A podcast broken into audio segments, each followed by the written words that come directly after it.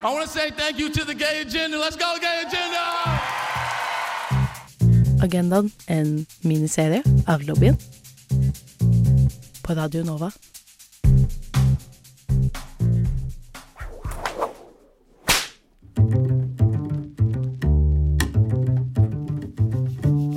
Kink.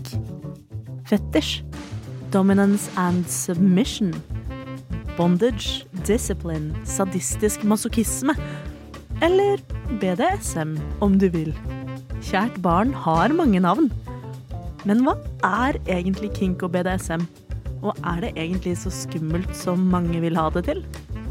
I dag skal jeg, Robin, ta deg med inn i dragens hule og lære deg litt mer om kink og BDSM.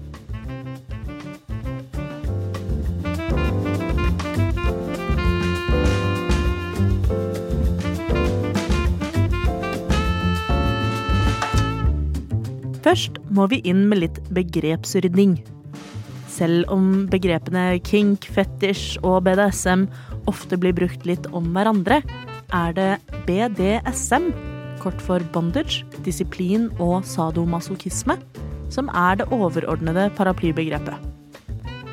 Under BDSM finnes det mange ulike kinks og fetisjer. De fleste av oss forbinder BDSM med smerte, lakk og lær. Det er ikke helt feil, men innen BDSM finnes det en myriade ulike kinks og fetisjer. BDSM-aktiviteter blir ofte referert til som lek, altså at man leker sammen. Og selv om vi forbinder det mye med sex, kan også BDSM-lek være helt platonisk. BDSM skal også alltid være frivillig, og alltid være samtykkende.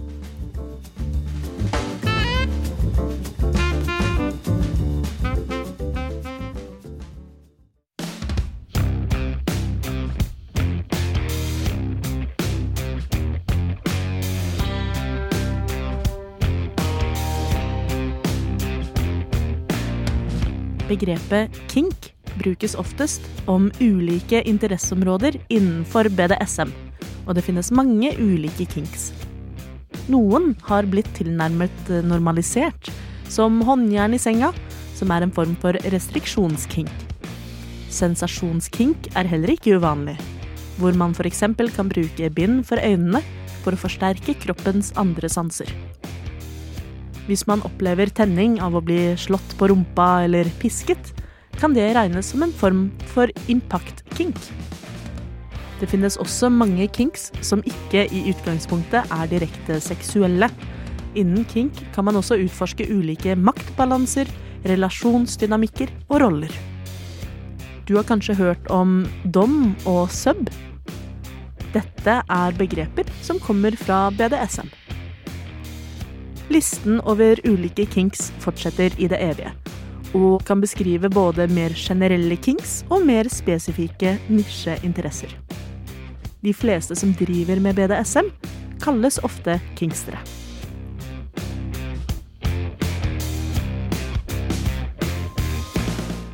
Men hva er da en fetisj? Kink og fetisj kan brukes litt om hverandre. Men en fetisj kan ofte være enda mer spesifikk og personlig. Ofte defineres en fetisj som et behov for en rekvisitt for å oppnå seksuell tenning. En fetisj som mange kanskje kjenner, er fotfetisj, hvor personer kan bli tent av føtter, sokker eller sko. Men det finnes fetisjer for alt fra ballonger til urin.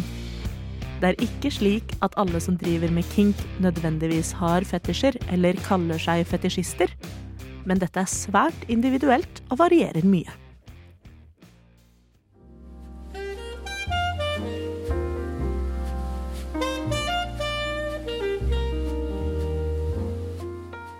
Det mange ofte kan glemme, er at BDSM kanskje er den subkulturen hvor krav om samtykke står sterkest.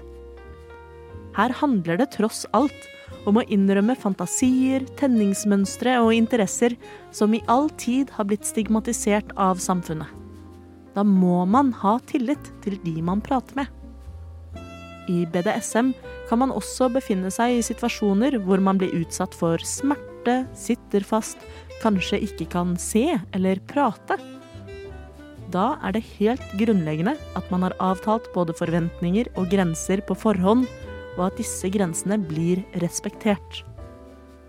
Fenomenet safe word kommer fra BDSM, hvor noen kan si et spesifikt ord for å avbryte leken.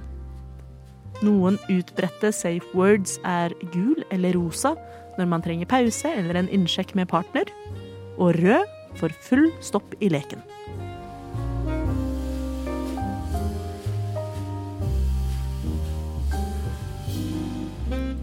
Etter BDSM-lek er det også svært vanlig med aftercare, eller etterstell. Dette kan gjøres på ulike måter, men går ofte ut på at man får tid til å hvile etter leken. Kanskje med litt cuddles og kos, litt vann og mat, og at man går gjennom opplevelsen sammen. Etterstell kan være ulikt for alle, men er nesten like viktig i BDSM som leken selv.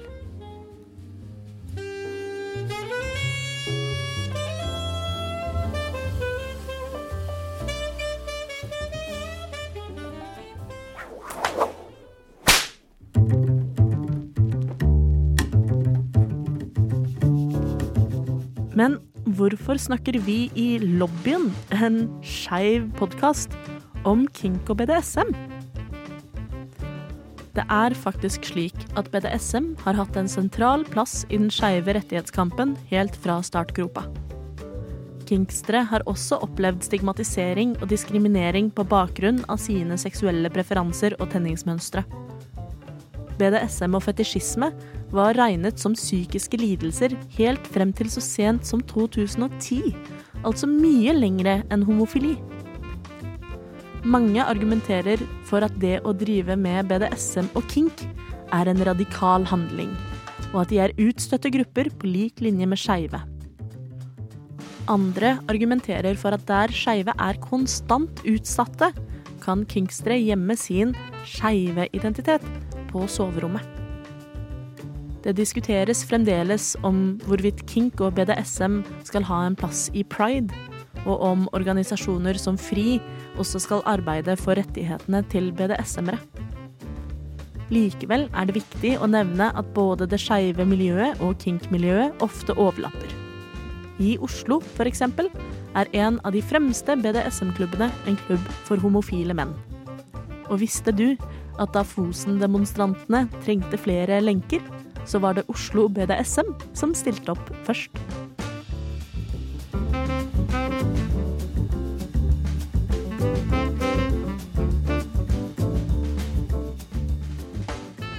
I dag er heldigvis både sadomasochisme og fetisjisme fjernet som mentale lidelser i Norge, og er å regne som en del av menneskers seksuelle mangfold.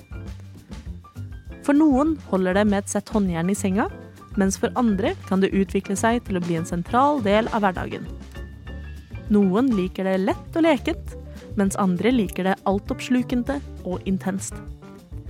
Akkurat som skeive er BDSM-ere også individer med ulike preferanser, interesser og ønsker.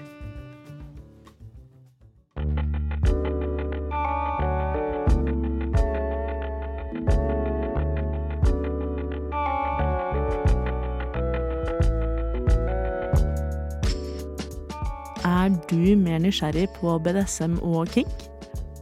I Oslo kan du ta kontakt med Oslo BDSM, eller bare titte litt på nettsidene deres. På landsbasis har vi interesseorganisasjonen SMIL, og det finnes ofte BDSM-miljøer i storbyene. Forumet fetlife.com er en møteplass for alle som er interessert i BDSM, enten du er helt fersk eller en gammel traver. Husk alltid diskresjon dersom du møter kjentfolk i BDSM-miljøet. Du ville ikke outet en kompis som var skeiv, før de selv var klar, så ikke gjør det med kinkstere heller.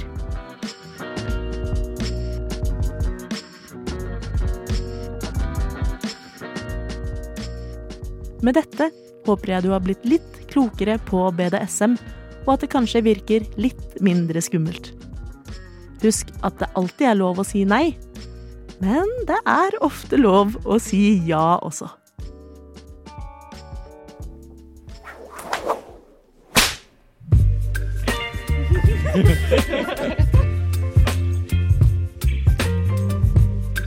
Agendaen. Agendaen. Agendaen. Radio Nova.